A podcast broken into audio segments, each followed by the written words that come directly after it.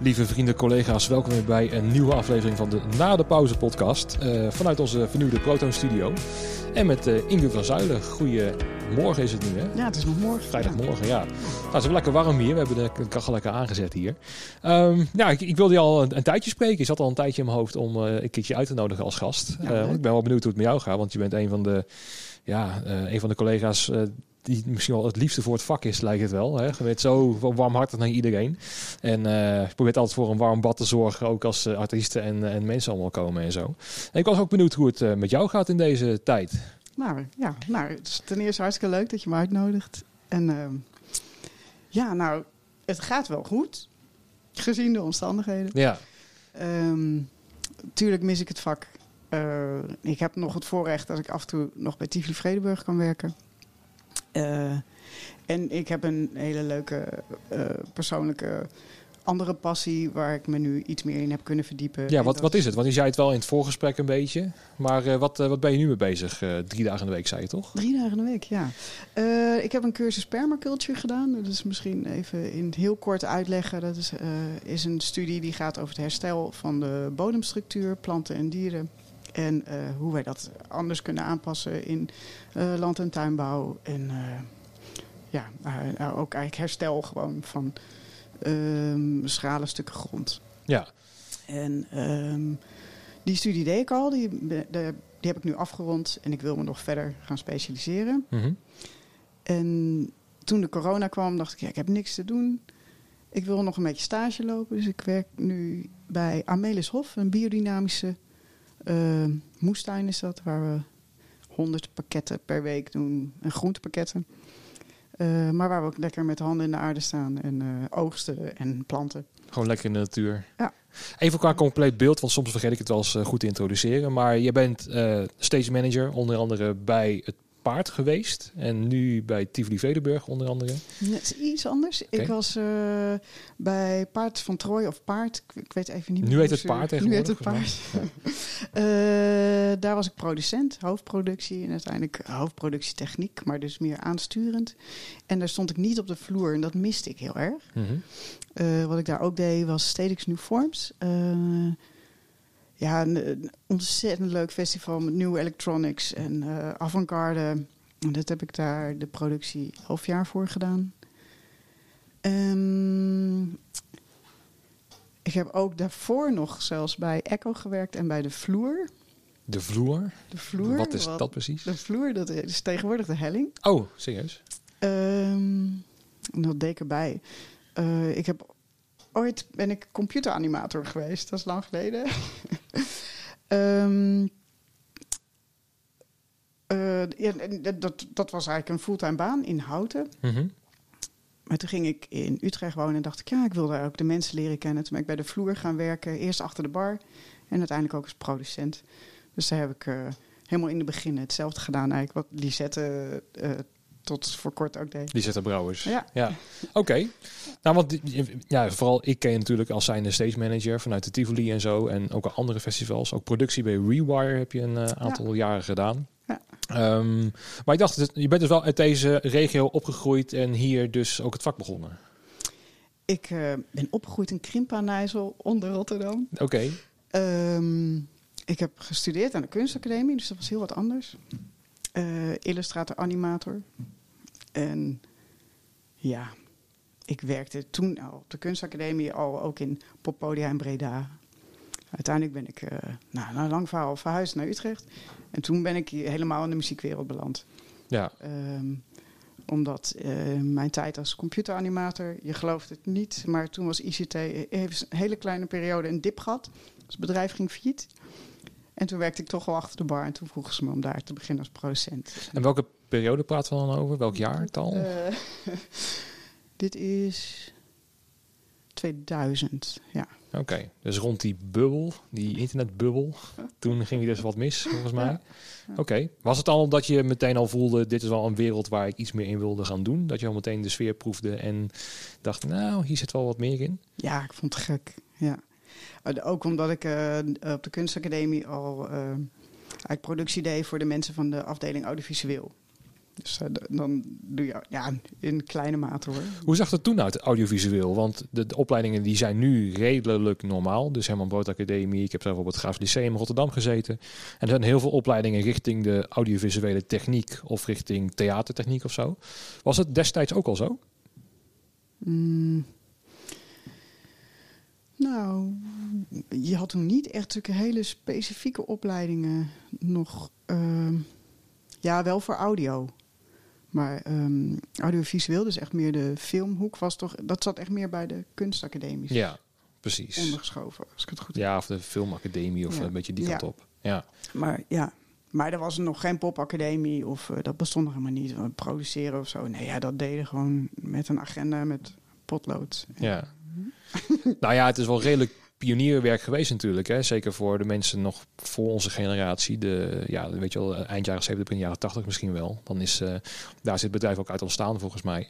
Eh, maar echt het, het toeren en uh, nou, een tourmanager, ja, dat was gewoon iemand die, ja, kan jij en wil jij. En Ja. eh, hier heb je een busje en, eh, nou ja, hier heb je een stratenboek. En eh, je moet van A naar B. Ja, dat was echt pittig. Ja, Ja, ja, ja, ik, ik, ja ik weet ook nog dat ze eh, vroeger werkte met contracten die je dan weer via de post weer terugstuurde. En dan eh, dingen doorkrasten en er opmerking bij zetten. Of, of in de tijd van de fax ook nog faxten. Ik weet niet of mensen het zelfs nog kennen. Weet je. Dat is echt wel heel grappig. ja. Ja, heel anders dan nu. Werkte je toen ook al met, met rijders corrigeren en zo via de fax? Kan je dat nog Ja. herinneren? Ja. Oké. Ja, eh, soms inderdaad ook letterlijk bierveeltjes die dan... eh, nou ja, niet een bierveeltje, maar een tekening die ze dan maakten en dan over de fax stuurden. En dan ging het soms mis en moest het nog een keer. Of, eh, ja, dat is echt heel grappig. Oké. Ja. Hoe is dat dan met, met nu te vergelijken? Want als ik, dan, als ik dat er terug hoor, natuurlijk, je wist niet anders. Hè, je zat ook gewoon maar je best te doen om te produceren. Maar het gaat allemaal zo sneller met nou ja, rijders die uitpuilen. En dat je binnen, nou ja, binnen no, no time kan je in je e-mail kan je het krijgen en verwerken en weer terug. En het lijkt alsof de druk nu ook veel hoger is en veel preciezer wordt. Maar hoe was het in die, in die tijd dan? Hè? Als je dan op een gegeven moment de rijder had gemist of dat er niet iets voor elkaar was. Ehm, was het ook een, het, het, het grootste probleem wat er was voor de, voor de tourmanager? Mm.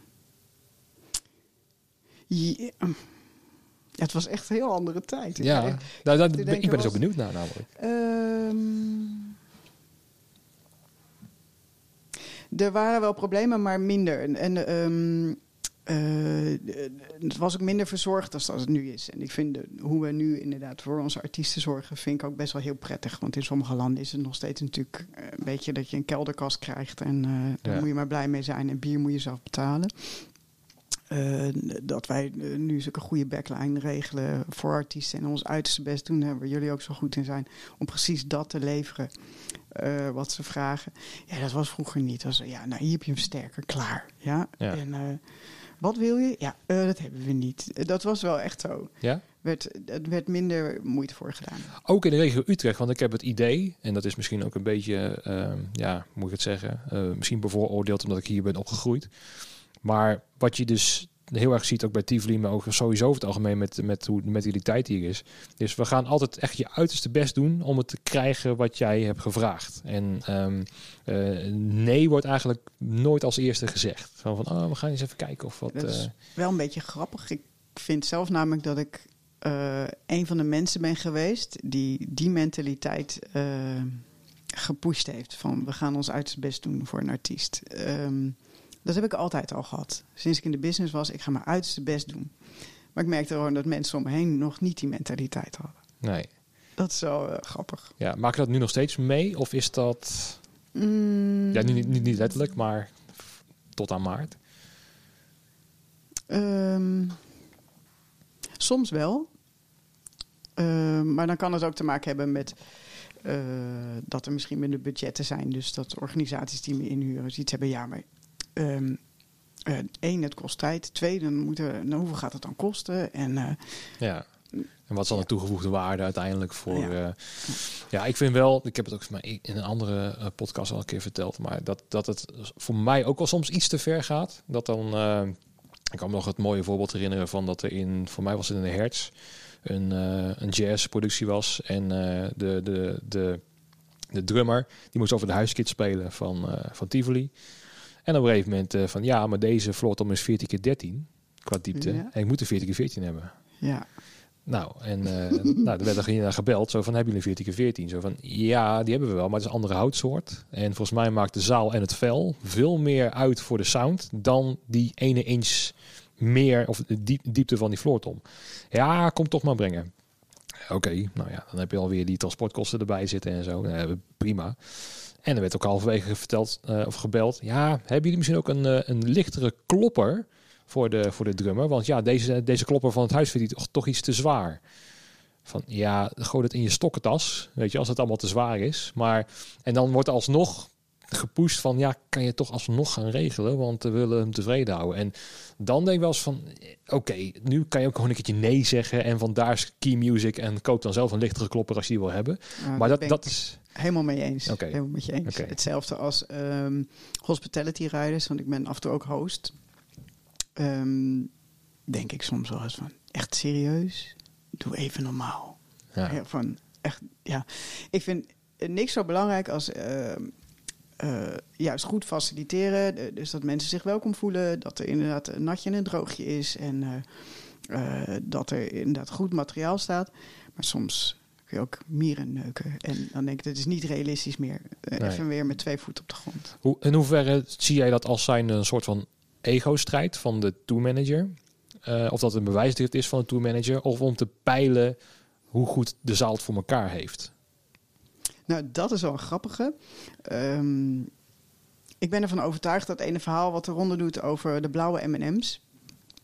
eh, dat is ontstaan omdat eh, in, in het begin mensen rijders niet zo goed lazen. Of dat niet zo heel erg belangrijk vonden. En dus artiesten soms in, op een plek komen eh, terwijl ze een allergie hebben. En dan is dat er niet. Of ze willen inderdaad die ene versterker en die is er dan niet.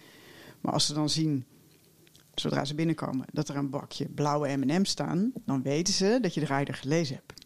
Ja, dat de rest ook al redelijk voor elkaar is. Ja, dus dan gaan ze van, ah, ze hebben het in ieder geval gelezen, ze weten wat we willen, Ja, dan zal het wel kloppen. ja precies. Maar is het dan niet, niet een beetje uitgebuit richting van... hé, hey, waarom dat zit op de rijder en waarom is dat er niet? Dat alles wel voor elkaar is voor 98%, maar die ene type nootjes... Hè, die waren toch niet helemaal vegetarisch of glutenvrij. En eh, ja, dat moet er wel komen. Ja, dat is dus net wat ik bedoel, even normaal doen. Ja, Dan eh, als host zijnde bijvoorbeeld op Lowlands of zo, hè, want dan werk ik ook voor Ilja, dan zal ik nooit recht in het gezicht van die artiest zeggen, joh, ja. get a life. Dat zal ik niet zeggen, dan kijk ik ze aan. Ik zal kijken wat ik kan doen. precies. Ja. Want zo heeft me Ilja me ook heel netjes opgeleid. En ehm, dan loop ik weg en ja, dan eigenlijk, dan moet ik gewoon lachen. Ja, ik Ja. vind het gewoon een tekortkomen van die persoon zelf. Het is jammer Ja. dat je zo in het leven staat. Ja, en want dat, dat vraag ik me wel eens af. Van hoe, va hoe vaak is het wel niet... Kijk, ik krijg ook wel eens van die rijders binnen... en dan denken van, wie heeft dit nou opgemaakt? Want die kan me dit wel vragen... maar het is gewoon in heel Europa niet te vinden wat je nu vraagt. Aan, aan instrumenten. Hè? Oh, aan, een, aan een drumstel bijvoorbeeld, aan een merk. Ja. Dat ik denk, ja, je zit wel in Europa, hè? En eh, dan gaan ze er nog alsnog vanuit. Ja, maar dit, hij wordt gewoon geëndorsed of niet eens geëndorsed, maar dit moet hij gewoon hebben. En dan vraag ik me wel eens af, ja, maar hoe, hoe vaak heb jij wel niet getoerd in Europa? Weet je wel, als je gewoon, we hebben in Europa zeker, en oh, absoluut in Nederland, als je gewoon de, de gemiddelde de dingen vraagt, is er, kan je altijd spelen. En Ja. zelfs als het moeilijker wordt, kijk, als je een moeilijk keyboard hebt waar je geluiden in staan, snap ik dat ook alweer. Maar dan denk ik ook, ja, je maakt jezelf ook weer moeilijk of zo. Weet je, als je bijvoorbeeld je geluiden op de, meest, op de drie keyboards hebt eh, die het meest gangbaar zijn, dus op de Nord Stage 2 of 3, op de eh, Roland Phantom, ik zeg maar wat, hè, of de Motive, of de montage tegenwoordig. Als je daar gewoon je basisgeluiden hebt en je vraagt gewoon dat aan, en nou, keuze 1 is niet, maar keuze 2 is wel, kan je altijd spelen. Maar ik heb wel zeker de laatste jaren wat idee van dat moet er komen, anders spelen we niet. En, en dat vind ik wel een beetje moeilijk hoor. Dat het zelfs bijna op kleur en op serienummer gaat. Ja. Dat ik ja, denk, nee, ja, ik vind dat is categorie blauwe M&M's bij. Nou ja, nee, dat is toch een ander verhaal. Maar gewoon, ehm, of het is de onzekerheid van de artiest, denk ik, of ehm, het is een, een tourmanager of eh, producent van de artiest die eigenlijk niet weet wat hij vraagt. ja, nou, ik, vaak maak ik dus mee dat de muzikant zelf niet eens zo moeilijk doet. Dat als je daar komt zo van, oh, staat dit er? Oh, ja, dat is prima joh. Ze weten vaak niet eens wat er in hun rider staat. Nee. Daar kom je ook heel vaak Och achter. man, ik heb één keertje meegemaakt. Het was tijdens een Le Guess Who, dacht ik. Ik moet niet liegen, maar ik dacht het wel. En toen was ik in de Pandora. Nou, Het was in ieder geval bij, in Tivoli bij, bij een festival. Volgens mij was het die. Maar toen kwam ik dus bij, eh, nou, staat er op die lijst duidelijk Evans endorsed. Nou, oké, drumvellen, Evans, nou, doen we erop. En dan komt hij binnen en zo van, eh, heb, heb je geen Remo? zo van, nee, maar dit staat toch op je lijst? Oh ja, nee, dat, ik was twee jaar geleden endorsed. Nu ben ik toch endorsed door Remo. Dan heb je toch geen... Zo van, ja, ja. We hebben ons best gedaan om juist die vellen voor elkaar te krijgen. Want dan weten wij, nou dan gaat hij lekkerder spelen. Want hè, kijk, van nature denken we ook, Overigens zit Remo op en Remo is voor hè, de standaard in feite en kan iedereen op spelen. Hè? Nog een moet, maar moet lukken. En dan kom je er ook achter van, ja, ja, het, hè, maar in de rijder stond echt en dorst en moet en zal en uh, nou, moeilijk, moeilijk. En dan heb ik ook weer, ja, weet je, luister weer naar je, naar je gevoel. Zo van René trapt er niet in, doe het, doe het nou maar niet. Maar voor mij is het ook wel lastiger, want dan moet ik weer aan de klant of de producent uitleggen van, nou, we doen gewoon Remo erop. Ook al staat er Evans, ik doe gewoon Remo erop. Dan kom je weer een beetje over, ben ik dan bang? Oh, oh, hij wil zich niet aanpassen, of hij heeft de rijder niet goed gelezen, of hij is eigenwijs of zo. Van luister gewoon wat, die, wat, wat op de rijder staat. Uh, ja, maar dat vind ik dan eigenlijk ook wel prettig als de producent jou ook uh, uh, in waardeschat. Jij doet het ook niet voor het eerst. Nee, oké. Maar het is ook misschien mijn onzekerheid hoor. Dat ik denk, ja, ik ga toch maar doen wat op die rijder staat. Terwijl ik eigenlijk al weet wat de uitslag is. Maar ja. vind ik lastig. Ook omdat die Evans-vellen, stel dat je, of uh, maakt uit welk item het is en er wordt om gevraagd. Uh, dat ik ook gewoon weet dat alternatief, dat hebben we op voorraad. En dat kost x. Maar als ik het moet aanschaffen, dan wordt die offerte veel duurder. Ja. Dus voor mij is altijd de strijd Um, moet ik nou die offerte gaan verhogen? Dat, dat wij met risico lopen van zo, dus wel erg duur die backline zeg. Hè? Uh, dat je dat idee krijgt.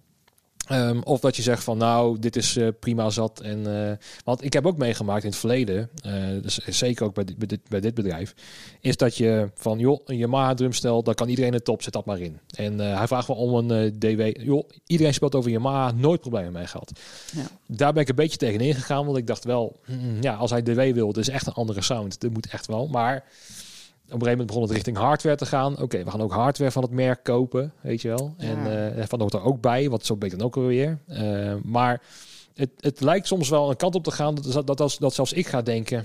Hmm, ja, ik weet het niet hoor. Moet dat nou zo? Ja. Maar ja, hoe, hoe kijk je als producent daarna? Als jij wel eens dan dat soort rijders binnenkrijgt, dat je al, ja, of het nou backline is of audio of, of, uh, of hospitality rider... Um, ja, ik ben wel een type die dan. Uh, ik lees hem door. En als ik twijfels heb bij dingen, uh, bijvoorbeeld voor backline, dan zou ik bijvoorbeeld jou uh, vragen: wat is jouw idee daarover? Um, of ik stuur hem eigenlijk terug naar de, naar de tourmanager of de, de producent van de artiest. Van, wil je dit echt? Um, of kunnen we ook dit doen? Ik ga het dan toch, als ik er moeite mee heb, in discussie. Ja. Ja, dan moet ik wel zeggen, nu heb ik over een festival waar je dus, ik weet niet of artiesten hebt op een, op een dag. En zeker bij Le dan is het van, joh, ik ben al lang blij dat die acht uh, rijders van de deur uit zijn gegaan. En als ik dan als hij een backliner overal ja maar op ga zeggen, dan zit je ook niet op te wachten als producent, denk ik dan.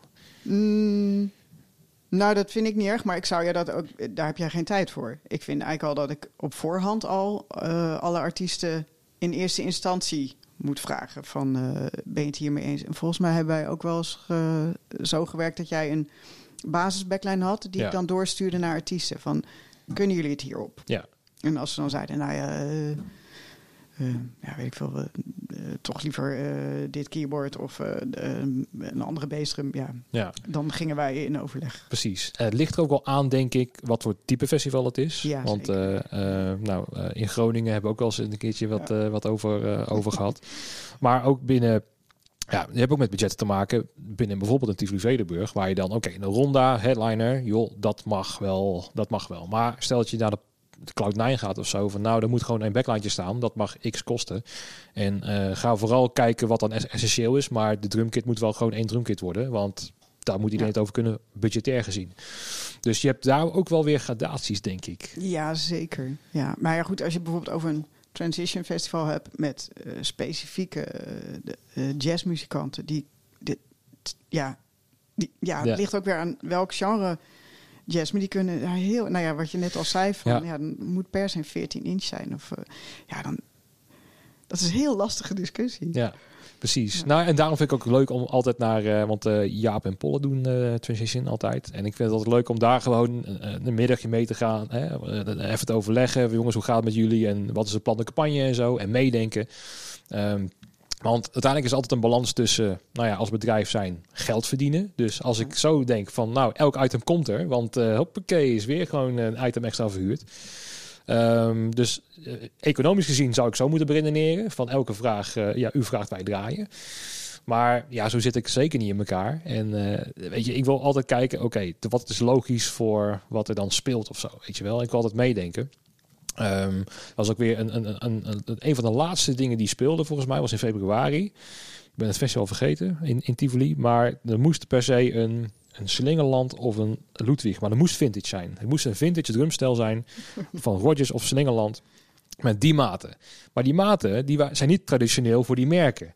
Dus een vragen om iets was ook alweer van... oké, wil je vintage of wil je die maten? Wat, is, wat vind je belangrijker? Oh, Ja, we willen dit hebben. Nou, oké. Op een gegeven moment kwam ik dus met een, eh, een Rogers eh, drumstel volgens mij. Wat ook uit dat tijdperk komt met die sound en wel met de goede maten.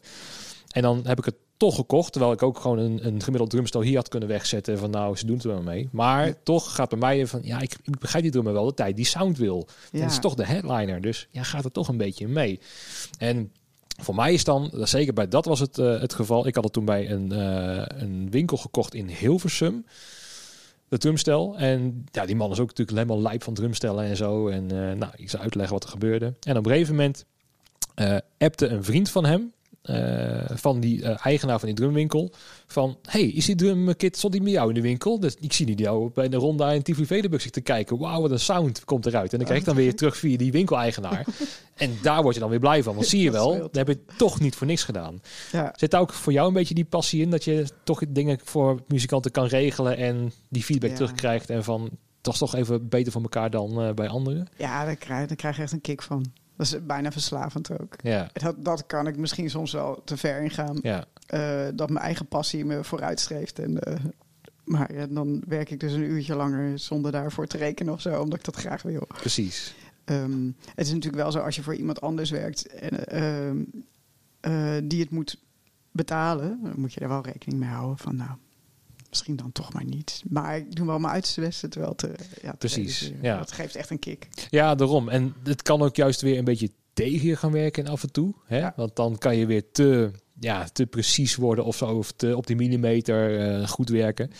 Eh, en dat is wel soms een moeilijke balans vinden, denk ik hoor. Tenminste, Ja. het ligt eraan. Kijk, er zijn ook heel veel backliners die, eh, die waarschijnlijk bij een band zitten van... joh, het mag de wereld kosten tussen de aanhalingstekens. Moet er een nieuwe flightcase komen? Ja, ja, koop maar. Als jij beter kan werken, prima. Ehm, en dan kan je ook gewoon ja, redelijk je ding doen. Dat is wel fijn. Maar er zijn ook wel heel veel bandjes die allemaal in de marge moeten werken. En ja, nieuwe flightcase. Ik ben lang blij dat ik een drumstel zelf heb gekocht. eh, Ja. weet je Ja. wel. Ehm, maar sinds, sinds maart, ja, voor iedereen ligt het een beetje stil. Hè? Ook voor jou. Ehm, hoe was die eerste beginperiode voor jou? Dat het ineens gewoon al werd, allemaal werd gecanceld. En dat je die eerste twee, drie weken thuis zat. Mm, ik zag hem aankomen. Dus dat was, eh, ik was niet heel erg verrast.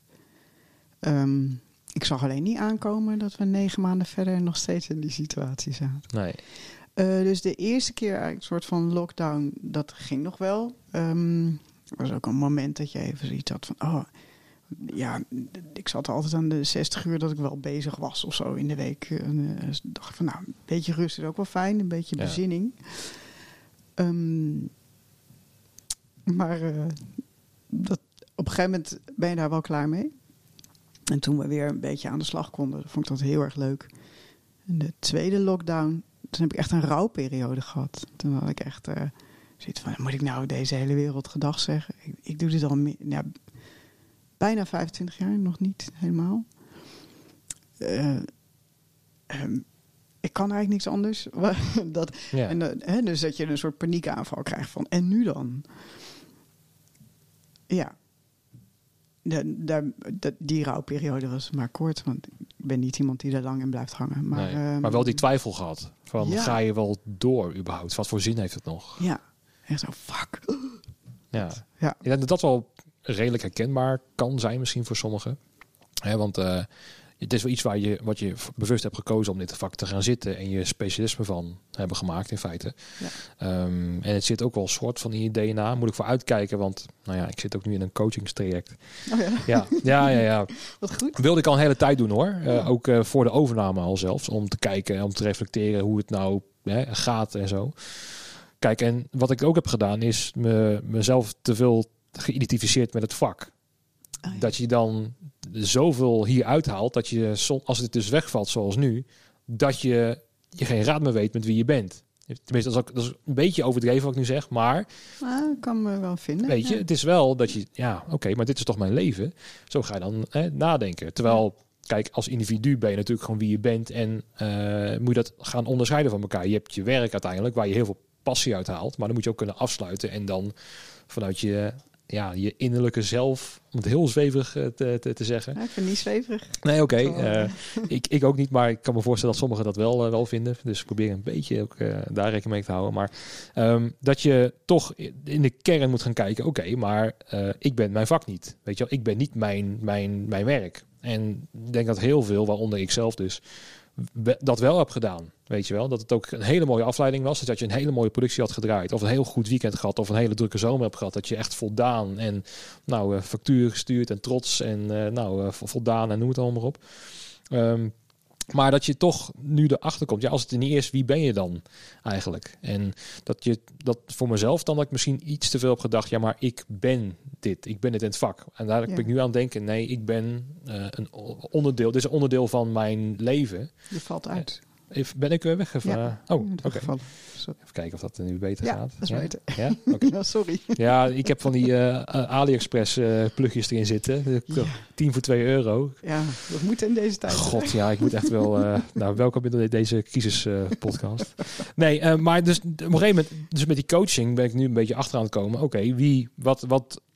Kijk, uiteindelijk, misschien heb jij dat ook al een beetje. Eh, me, of, of, eh, eh, zeg vooral als het niet klopt. Maar ik word heel erg gelukkig als ik anderen tevreden kan stellen. Nee, dus als gewoon de productie draait, als de muzikant tevreden is, als de klant tevreden is, als iedereen om je heen tevreden is, dan ben ik het ook. Ja, ik, nou, En- even, even nog een stapje terug inderdaad van wat jij net zei. Van, ehm, dat je je identiteit eigenlijk aan je werk plakt. Eh, daar maak ik me ook schuldig aan. Maar het is ook wel een beetje zo dat wij allemaal gewend zijn 60 uur in de week te werken. Om en nabij zo'n beetje. En dat doen we met, met alle plezier. En dan hou je niet zo heel veel tijd over om ehm, eh, de externe hobby's, vrienden, dingen te doen. Eh, en dat mis je eigenlijk ook niet, omdat we in zo'n mooie business werken met mooie mensen. En eh, ik krijg energie van mensen, vind ik heerlijk. En dan komen we terug op van, ehm, ja, ik geniet ervan als het hele plaatje klopt. Dat vind ik zo fijn. Ja, ja. En als dan mensen blij zijn, eh, artiesten, crew en, en publiek. En het ziet er ook nog eens te gek uit. En eh, nou, ja, dan kan ik niet stoppen met lachen. Daar krijg Nee. ik zoveel energie van. precies. Ja. En dan is 16 uur werken, dat doen we tegenwoordig niet meer. Maar dan is dat eigenlijk niet eens zo vermoeiend. Nee, je krijgt ook energie van. En dat heb ik een deel met passie te maken. Moet je meer energie opleveren dan het je kost. Nou, ik denk dat dat wel gelukt is. Ja, Maar inderdaad, eh, kijk, iedereen, of je nou licht geluidtechnicus bent, je bent een beveiliger, hè, iedereen in het je bent een kassamedewerker, iedereen werkt daar om het publiek en de band een zo goed mogelijke tijd te geven. Dus het draait niet om jou. Het gaat nooit om jouw ego, om het zo maar even te zeggen. Je kan jezelf al relatief snel wegcijferen. Hè, eh, ook stel, stel dat ze zeggen van nou voor jou hebben we een andere of een betere gevonden. Je denkt van oké als dat beter is voor de situatie, eh, doe dan maar. Even gechargeerd gezegd. nou, dat doet dan wel pijn natuurlijk. Ja, Want dat wil je natuurlijk ook niet. Nee, oké, oké. uiteindelijk beginnen wij. Nou, laat ik, het, laat ik het zo zeggen. Nu in deze crisis komen we er ook achter. Eh, kijk, nu gaat de horeca die komt in opstand. Hè? Dus die Ja. gaan in feite zeggen: fuck it. En op 17 januari we gaan gewoon open. Ondanks, maakt niet uit, we gaan gewoon open. We hebben er scheid aan.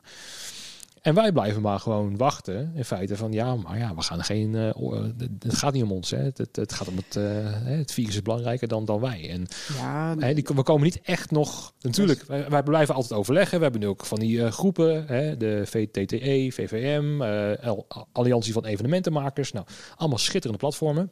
En we blijven altijd in overleg, wat ook onze stijl is. En niet op de barricade gaan. Ik, heb wel eens uh, gekscherend, uh, gekscherend gezegd. We kunnen prima naar het Malieveld gaan. Uh, 450 beveiligers eromheen zetten. de bühne richting de stad richten. En laten horen wat, wat, wij, hè, wat wij zijn en wie we zijn. Maar dat doen we niet. Want we houden het klein beetje op de achtergrond. Maar het is wel zo dat de horeca iets meer voor zichzelf opkomt, misschien wel op een lompe manier, maar ook, ook de boeren, de, de, de, de agrarische sector, komen ook als het even wat tegen zit, of als we niet, niet mee eens zijn, komen ze wel voor zichzelf op. Op een hele duidelijke en harde manier, waardoor je het nieuws haalt. En, uh, en dat heeft dus wel veel meer impact, denk ik, op Den Haag en zo, en op, op Nederland. Wat is dan zichtbaar geworden? Ja, wij zijn gewoon te bescheiden en, en het is een rol die we ons aanmeten wat we eigenlijk moeten gaan afleren. We mogen veel trotser zijn op onszelf. We mogen uh, onszelf veel meer uh, hoger waarderen. Maar ja, we zijn natuurlijk allemaal gewend backstage achter de coulissen te werken. Dus we zijn niet zo gewend ons te presenteren op podium. Nee. En de, dus ook voor jezelf opkomen op een manier zoals de boeren doen. Dat, die zoeken echt een podium. En, en horeca is er altijd al sterker in geweest. Um, ook een partij achter zich die er wel voor, voor hun mensen opkomt. Wij, ja, ik weet niet wat het is waarom wij. Misschien ook wel omdat mensen uh, onze business altijd ook maar gewoon hebben gezien als een hobby.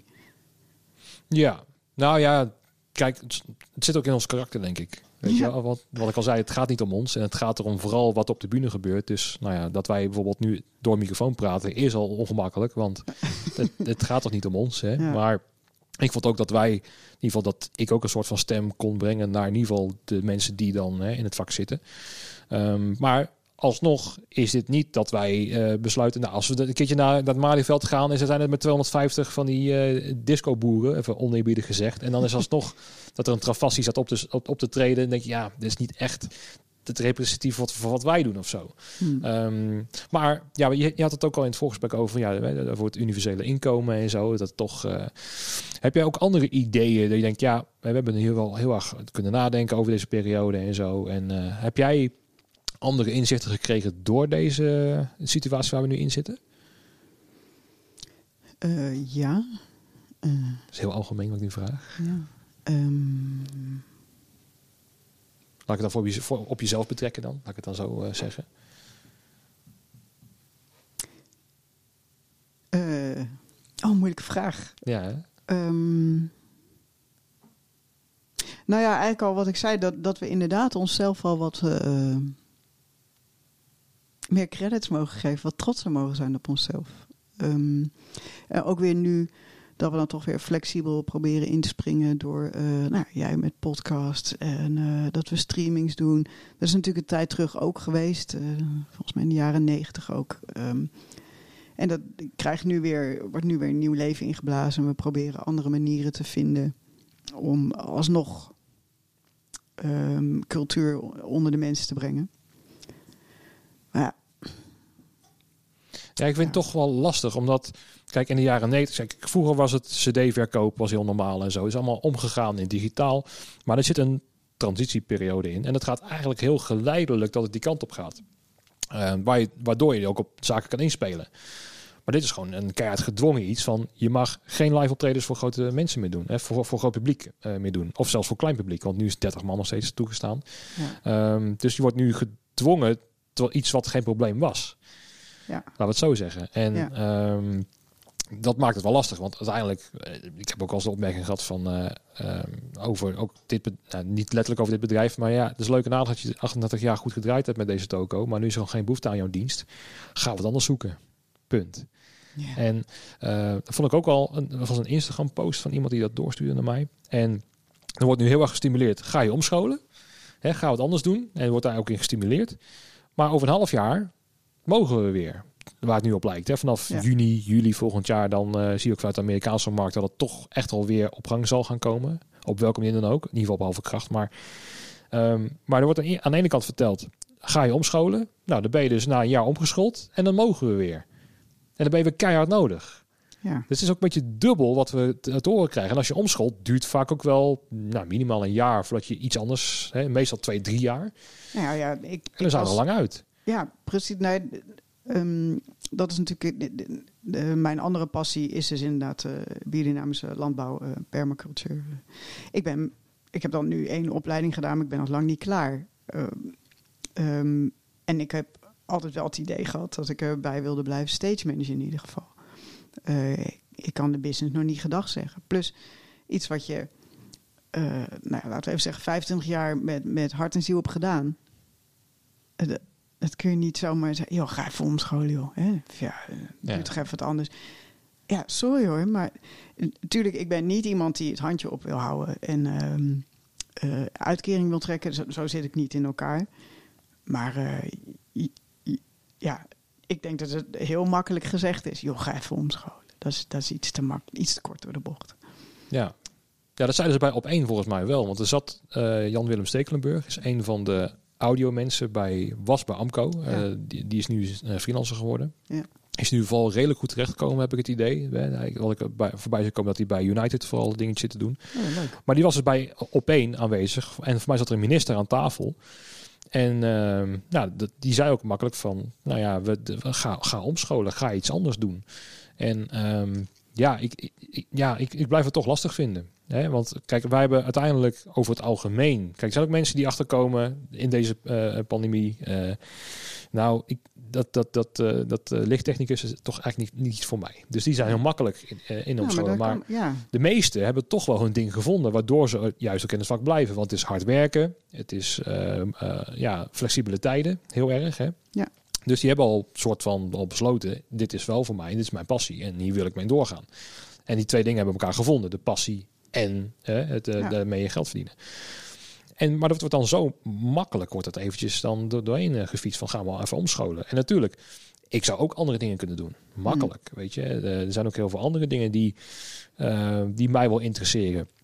Maar je hebt, gewoon- je hebt ook wel een pad gekozen. En natuurlijk is mijn pad wel wat, ja, wat lastiger. Want ja, zo'n bedrijf, dat kan je niet zomaar gedag zeggen. Je, je hebt allemaal eh, andere ehm, ja, de vaste lasten. Je hebt een, eh, een, ja, wel een, prognose voor, voor de komende jaren. Kijk, stel dat, ik het, dat het tien jaar later was gebeurd. Ja, ik had deze toko, had ik misschien wat makkelijker kunnen omschakelen. Zo van, nou ja, dan gooi ik de toko een jaar dicht en ik geloof het wel. Ga ik Ja. op mijn centen zitten en prima. ja, maar nu heb je nog die backup niet. Je hebt nog niet dat potje met geld waar je op kan teren. Nee, nee, Nee. precies. Kijk, als het vorig jaar was gebeurd, als, als ik het toen net drie maanden had overgenomen, Oeh, dan was het echt, een, eh, echt het grootste probleem geweest. Heb ik Ja. nog een jaartje kunnen, kunnen bufferen. Ook niet veel hoor, trouwens. Hè. Het is ook allemaal eh, pap en nat houden. Ehm, dus ja, de timing is op zich dat wel ruk. Maar het was ook ruk geweest als het over vijf jaar was geweest. Want had ik het uiteindelijk alles, nou was het dan van mij geweest. Ja. Moet ik het echt zelf gaan doen. En dan, joh, het, komt, het, het crisis komt nooit goed uit. nee. Weet je wel, maar en dat, dat vind ik dan ja, zo makkelijk af en toe wel eens verteld van schakel me om. Eh, er zijn ook andere bedrijven in dit vak die bijvoorbeeld ook eh, eh, stream studio's zijn begonnen. En Ja. dat doen ze verdienstelijk. Volgens mij gaat dat heel erg goed. Maar dan zit je toch een beetje in die corporate markt. Hè? Het is wel een andere tak van sport. En het moet ook maar net zijn of, je, of, of, dat, je, of dat jouw passie daar ook ligt. Ja. Misschien vind je het helemaal niet leuk. Dat klopt. Ik kan, ik kan ook wel voorstellen dat je denkt als audiovisueel bedrijf... oké, dit is mijn passie niet, maar ik kan hier wel mijn, mijn brood mee verdienen op dit moment. Dus dan ja, ja, wordt het een wel... tussenfase. Of, Precies, ja. Ja. Want eh, ja, er zijn dus bedrijven die dus eh, hebben omgeschakeld en dat kunnen doen. En eh, hopelijk verdienstelijk. Ehm, maar die zitten al een beetje in die corporate hoek, weet je wel. Ja. En wij, als ik heel puur over mezelf ga praten dan... Wij zijn natuurlijk afhankelijk van de poppodia en van de festivalorganisatoren die allemaal niks mogen. En dan is het toch wel uitdagender, om het eventjes netjes te zeggen, om iets anders te gaan vinden. Want eh, nou, deze podcaststudio is daar een beetje uit ontstaan. Ik denk, nou, ja, hè, ooit begonnen met een, goede eh, set. ja, Ja. precies. Dus eh, mensen huren. Me- Ja. weet, je, weet je, mensen die, eh, die een podcast willen beginnen, huren. Dat zal voor mij ook een beetje, ja, hopelijk break-even gaan lopen. Ja, Maar ook hier merk ik, ja, is het echt mijn passie? Ik weet het niet. Nog niet. Hè. Het, het kan misschien wel worden. Want het is ook één onderdeel wat ook nieuw is ontstaan uit mijn interesses. Hè. Dus zo'n zo'n podcast. Maar uiteindelijk ligt het wel bij instrumenten, bij de, ja, de, de, de bandjes blij maken. Hè? De, de muzikanten begrijpen van als ze met een aanvraag komen voor dat drumstel. Van oh ja, hij wil die bekkers hebben. Ja, dan snap ik eigenlijk wel dat je die wil hebben. en ehm, als je dan probeert te combineren, die passie, bijvoorbeeld dat je dan dus inderdaad die artiesten uitnodigt en met die artiesten een podcast doet en over ehm, die instrumenten hebt. Zou dat dan Ja, het zou kunnen. Het zou kunnen. Ehm, nou, bij mij is het best wel... Ik ben redelijk gecompliceerd daarin. Ja? Ja, want als ik dan... Ik probeer alles een beetje weer te relativeren. Dus als ik dan... Kijk, natuurlijk, ik ben eh, af en toe een, een gear nerd. Dus ik kan best wel over, nou ja, echt, nou ja, eh, eh, weet je wel, eh, zeven of acht ply snare drum, dat het een verschil kan maken of whatever. Daar kan ik, hè, of een, andere hoep erop zetten, dat het ook weer uitmaakt met, nou goed. Dus dat kan. Maar dan ben ik na een half uur ook al van, ja, waar waar hebben we het eigenlijk in godesnaam over? Weet je wel, waar gaat het over? Dus er, zit, er zitten heel veel kleine ja, mini-passietjes, zeg maar, die dan elkaar raken. Dus bijvoorbeeld het handelen, hè, het kopen, verkopen, zit, daar zit ook een deel in wat, wat me heel erg blij maakt. Mm. Ehm, eh, het, het contact met collega's, wat ik dus nu wel weer onderhoud, is ook een van de dingen die, ja, wat voor mij heel belangrijk is. Ja, is ook. Eh, om alles goed te managen. Dus bijvoorbeeld, wat ik ook heel leuk vind, is een trailer eh, gaan tetrissen. Dus gewoon Ja, gaan ja. laden en gewoon precies in het hoekje hè, ga- gaatjes zoeken. En eh, daar ben ik, dat vind ik leuk. Ik vind het leuk bijvoorbeeld om, om een festival in te plannen. Dus stel dat ik op de aanvraag en dan ga je toch kijken, ah, als die bas zet, nou, ja, wacht even, dan zet ik even daar neer en dat kan die het overspelen. En dan als ze die dan op tijd do- doorschuiven naar die, dat Nou, podium en zo. ja, En ja. dat ik het helemaal voor elkaar krijg zo. En dat ik het helemaal zo... Tetris natuurlijk. Ja, precies. Ja, maar ook echt dat puzzelen. Ja. Dat, dat vind ik ook echt fantastisch. Hè? Dus sinds dat ik hier ook eh, dat soort dingen heb, heb kunnen doen, daar word ik wel vrolijk van. Om Ja. precies die puzzel zo in elkaar te laten vallen. En dan ook naar de crew een, een goed schema laten maken. Van oké, zo ziet het eruit. Dat moet daar naartoe en dat moet daar naartoe. En, hè, en dat is dan, oh, nou fijn, lekker. Ja. Weet je wel. En Ja. daar ga ik ook van aan. En het zijn allemaal micro dingetjes die met elkaar opgeteld. De, ja, mijn, mijn grootste drijfveer zijn in Ja, feite. ja, precies. Weet je wel? Eh, en gear is daar één onderdeel van. En ik kan me ook wel, natuurlijk kan ik een podcast maken puur over gear. Maar ja, Jezus Christus, dan eh, eh, kan ik mezelf ook weer gaan denken, waar, heb ik het in godesnaam over, man? Weet je wel, gewoon, eh, dit is een snare, dan moet je spelen met die handel. Weet je wel? dat, zit ook, dat deel zit ook nog wel in me, hoor. Dat de muzikant, die kan uiteindelijk ook wel over alles spelen, wat, als hij Ja. maar uiteindelijk op alles op, op zelfvertrouwen neerdenkt als muzikant zijn. En dan kan je overal over spelen. Ook gechargeerd gezegd. Ja. Dus dat zit er ook wel in, maar dat is het vooral. Het is, het is, het is de samenloop van alles bij elkaar wat het voor mij gemaakt zo. heeft. En daar kom ik nu dus ook wel achter dat ik dus het vak niet uit wil, want ik heb dus hier mijn ding wel in gevonden. Maar dat maakt het ook weer lastig, want ja, het is leuk nee, maar het kan niet. Hè? Dat is het ding. Ja, je vuurt er wel twee dingen in de week misschien. Eh, maar daar, er zit niks aan te puzzelen aan. Dat is gewoon die flightcase de auto in duwen, afleveren en een factuur sturen. Ja. Ja, dat kan elke boerenlul. En Ja. daarvoor, daarvoor ben ik niet in het vak in feite gegaan. Want zo klinkt het dan heel simpel dat je als bedrijf van ja, je moet gewoon dingen verhuren. Maar het is juist die, die, ja, weet je, die puzzel helemaal goed maken of zo, weet je wel. Ja, dat er eens toch een aanvraag komt. God, ga ik dat keyboard nou weer vandaan halen? Ga ik hem kopen? Ga ik hem huren? Ga ik hem eh, lenen bij iemand? Eh, wat, wat, wat ga ik doen? Weet je wel? En daarover nadenken en dat toch gaan oplossen, zeg Eigenlijk maar. het creatieve deel van je, van je brain wil je Ja. graag eh, Precies. Ja. aanbreken en gebruiken. Ja. Is dat ook herkenbaar voor jou trouwens? Want ik kan me voorstellen dat als je als producent ook wel een beetje van, oh ja, het hotel daar zo en die vlucht oh, als ik daar... heerlijk man. Ik voelde me soms een heel, hoe moet je het zeggen? Een, ehm, In zo'n Schipholtoren, zeg maar. nou, omdat bijna dan- wel. Van, ja. En dan, dan had je eh, de- de- een, een Excel-bestand met alle hotels eh, waar de artiesten heen moesten. En dan eh, ehm, voor de chauffeurs, je moest regelen van, oh ja, dan moet ik... Oh ja, maar die hebben dan weer andere vluchttijden. En moet die moeten naar het hotel, die moeten naar de zaal.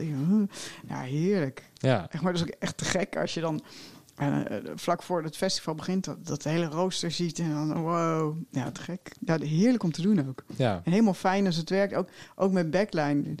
Ik heb wel eens gehad dat op een gegeven moment eh, festivals zeiden, ja, maar om dan jou te verlichten, zullen we dan iemand anders de backline laten bestellen. Maar ja, de- de- ik vond het zo leuk om die riders te lezen en dan die dingen op te schrijven en dan gewoon eh, met jullie eh, bijvoorbeeld te overleggen. Nou, wat zullen we doen? Wat kan wel, wat kan niet? En dan, ja, dat, eh, dat samenspel. Van, ja, maar dan kan ik die versterker, ja, die schuiven we dan wel door naar die. Heerlijk. ja. Ja, superleuk. Echt dat plannen en zo. Ja, en helemaal als dan de artiest naartoe komt, dat zul jij ook hebben.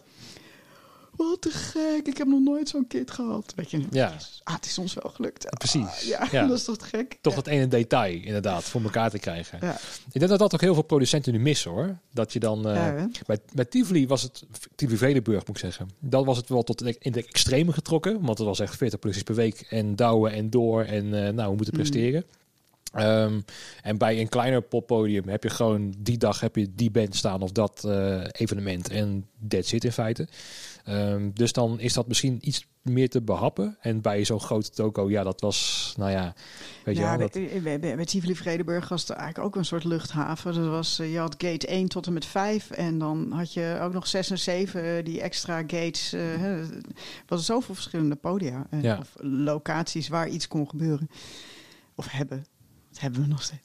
Maar ehm, dat vond ik ook wel weer een uitdaging. Het is anders produceren. En ehm, dat heb ik ook in het begin toen ik bij Tivoli Vredenburg kwam werken als eh, freelancer. zei ik al van ja, maar ik zie het eigenlijk als festival. Het is hier iedere dag een festival. Ook al staat in iedere zaal een ander, maar het is gewoon een podium. ja, En eh, ja, goed, je hebt dan eh publiekstromingen die gescheiden zijn. Dat maakt dan nog even ingewikkeld. Met een festival, een publiekstroming open. samen, is Ja. open. Eh, maar dat vond ik ook wel weer een uitdaging. Ik vond het wel een hele goede leerschool. Ik denk wel van dat eh, producenten bij ons, maar ook bedrijfsleiders en nou ja, eigenlijk iedereen binnen dit bedrijf een unieke ervaring heeft opgedaan die ze, ja, waar ieder ander bedrijf heel blij mee zou kunnen zijn. Ik denk hotels en zo, daar, daar kun je er ook mee vergelijken. Ook ziekenhuizen. Dus ook een hele logistiek met hospitality, met, met nou ja, kamers en eh, ja, met artsen, operatiekamers. Eh, Eigenlijk, ik denk dat ehm, misschien mensen dat niet realiseren, maar eh, ik, hoor, ik hoor het ook van mensen die nu dus in de muziekbusiness geen werk hebben. Die gaan naar de bouw en dan beginnen ze nou, als bouwvakker. Maar die wordt al heel snel erkend dat ze heel goed kunnen organiseren of een team kunnen Ja. samenbrengen. En dan zijn ze in één keer eh bedrijfsopzichter opzichter, of hoe noem je Ja, dat? coördinator Ja, of, coördinator. Dan staan ze op die bouw in één keer eh, eh, de structuur te bepalen. En dat gaat in één keer heel soepel. ja, Ja, superleuk. Dat- precies. we, het- we hebben wel echt kwaliteiten. Echt, eh, die in, ja, in andere takken ook kunt toepassen. Waar ze denk ik heel blij mee zijn. En Nou ja. niet realiseren dat wij dat zo doen. Nee, en dan ben ik dus benieuwd, want er is nu ook een, eh, een artikel verschenen van laat ons dan deze tak de vaccinatie regelen. Ja, Weet je wel? Want Ja. eh, dat vond ik een heel mooi stuk. Want nou, we zijn op zoek naar waar zou het kunnen. Nou, waar zijn veel parkeerplekken bij theaters misschien? Zou kunnen. Eh, hoe kan je dat goed begeleiden met allemaal dingen op de grond en met loophoed en zo? Zou in een theater kunnen, misschien. Eh, het personeel die dat eh, zeg maar overzichtelijk kan maken en een schema kan maken en eh, mensen kunnen uitnodigen. Misschien een ticketsysteem of zo. Ja, is iets van een. Nou, toevallig is dat er al ja, de hele infrastructuur om dat te begeleiden, dat is er natuurlijk al. En Ja. wij zijn, denk ik, nou, ook hoe meer mensen gevaccineerd worden, hoe eerder wij ook weer zouden mogen, volgens mij.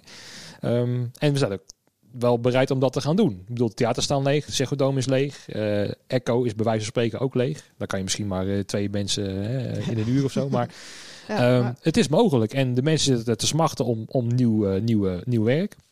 En ik denk, ja, dat is gewoon een goed idee om dat gewoon te doen. ja. En dan ben ik dus benieuwd of de regering dat nu ook gaat zien. Of dat ze dan weer een eh, consultatiebureau of zo gaan inschakelen om dat weer hè, te, te gaan outsourcen naar andere bedrijven. En hè, denk van, Nou, nou, ik kan je iets heel grappigs vertellen. Ik ben benaderd door Mojo. Het was een bedrijf die had hun gevraagd van... eh, ken jij mensen die ehm, misschien een flexibele vaccinatieplek kunnen faciliteren of eh, begeleiden eigenlijk? eh. dus dan zoeken ze mensen die s ochtends vroeg met een busje naar een locatie gaan. nou, pionnetjes neerzetten, borden en... daar zou dan een stadsbus staan. ehm, want het zou dan vooral plekken zijn van mensen die niet makkelijk naar de stad kunnen komen. Of achterstandswijken. eh, mensen die minder snel, eh, nou ja, in ieder geval een vaccinatieplek of een testplek opzoeken. En eh, kennen jullie misschien mensen die dat kunnen? Ja, het is wel hard werken en het is van 's ochtends vroeg tot 's avonds laat. En nou ja, je moet wel een beetje een hospitality approach hebben. Die hebben mij benaderd. ja, En, nou, dit, ik heb gezegd dat ik het wel interessant vind. En Wel weer niet heel veel betaald. Dat vind ik dan wel weer jammer. ja. Maar, kom je weer op eh, het punt wat je dus eh, net al zei. Ja. Hè? Dat je misschien iets meer... eh, Nou, ik denk dat we sowieso mensen meer mogen gaan waarderen voor het werk wat ze doen. En dat niet alleen maar managementfuncties heel belangrijk zijn, maar dat er gewoon meerdere functies belangrijk zijn. ja, en dan uitdrukkingen in waardering in de zin van gewoon die, die uurprijs omhoog. Ja, dat zeker. Ja. Ja. Maar toch denk ik ook daarin. Kijk, eh, ehm, ik ben nu een paar keer naar een concert geweest voor 30 man. Voor, toevallig vorige week in het patronaat, volgens mij was ik toen. Ja, leuk. En eh, kaartje, ja, alsnog iets van 15 euro, 17,5 euro. Terwijl als je naar de, naar de tandarts gaat, hoppakee, 4,5 euro eh, corona eh, Ja. eroverheen. Hè? Terwijl hun hebben eigenlijk nooit stilgezeten, om het zo maar even heel kort door de bocht te zeggen. Ehm, hebben ook extra kosten gemaakt, maar hun zijn gewoon volledig open en kunnen alles weer doen. En dan hop, hoppakee, toeslag 4,5 euro. Ja. Ik ben benieuwd wat voor toeslag er komt op een, op een normaal gesproken, hè? Om een concert van 30 man. Dat zou gewoon 250 euro moeten kosten. Ja. Wil je alles wi- willen dekken, weet je wel? Ja, zeker. zeker. En wat doen we niet. nu ook is, dat nee, dat doen we niet. Nee, om, omdat wij nog steeds iets hebben, we moeten cultuur onder de mensen blijven brengen. Want daarom zijn we hier is voor iedereen. eh, op de wereld en het is voor iedereen. Ja, we zouden daar wat professioneler in kunnen zijn. Maar het is natuurlijk ook dat je bang bent dat je mensen dan weer afschrikt. Ja, nou, ik zat ook te denken. Ik had het met Robin Piso volgens mij in de podcast over. Was het echt nummer 6 of zo? Echt Ja. al in juni, mei, juni of zo. Dat heb ik nog niet gehoord. En toen zei ik tegen hem: ja, als de Wolf zijnde, waarom kan je niet gewoon zeggen: oké, ehm 200 man, hè, als het mag, maar het zijn dan echt exclusieve tickets. Ja. Het is voor een bedrijf. Het is al voor een groot bedrijf. Je verkoopt het pakket voor 30.000 euro, ik zeg maar wat of zo. Maar 200 exclusief en dan een show van twee uur.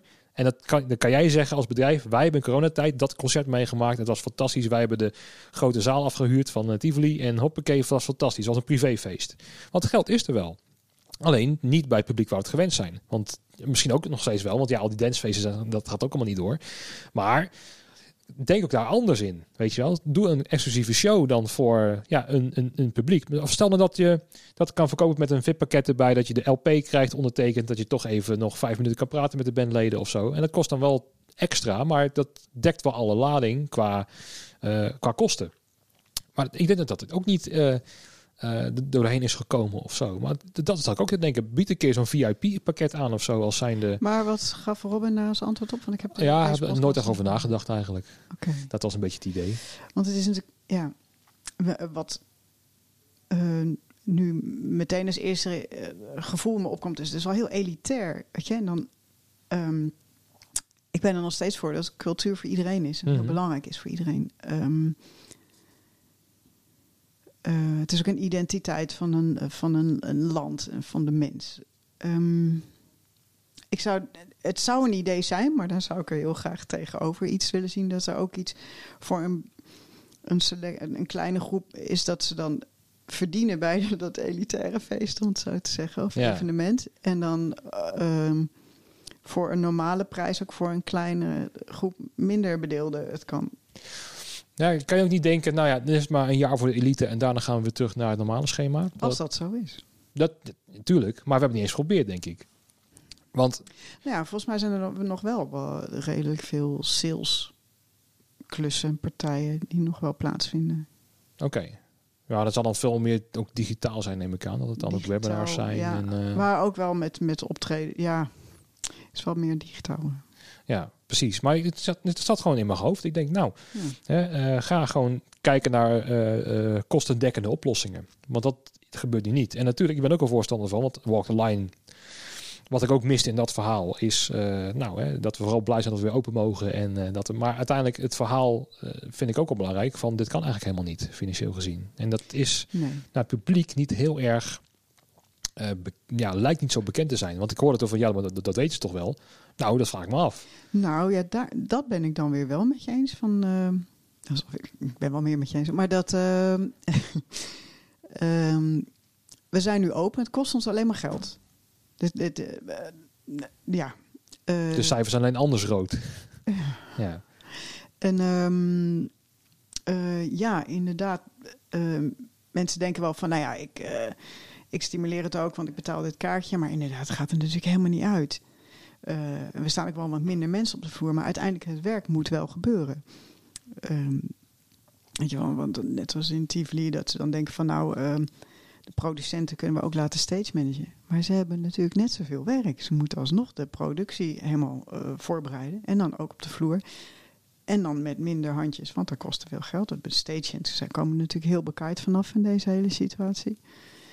Ehm, want dat, dat kan de rest van de crew wel doen. Maar dat betekent ook dat de rest van de crew ook een tandje bij moet zetten. We zijn niet vies van hard werken. Nee. Maar het komt er echt niet uit. Het, het is hartstikke mooi dat we open zijn voor het publiek. Maar het draagt de kosten niet.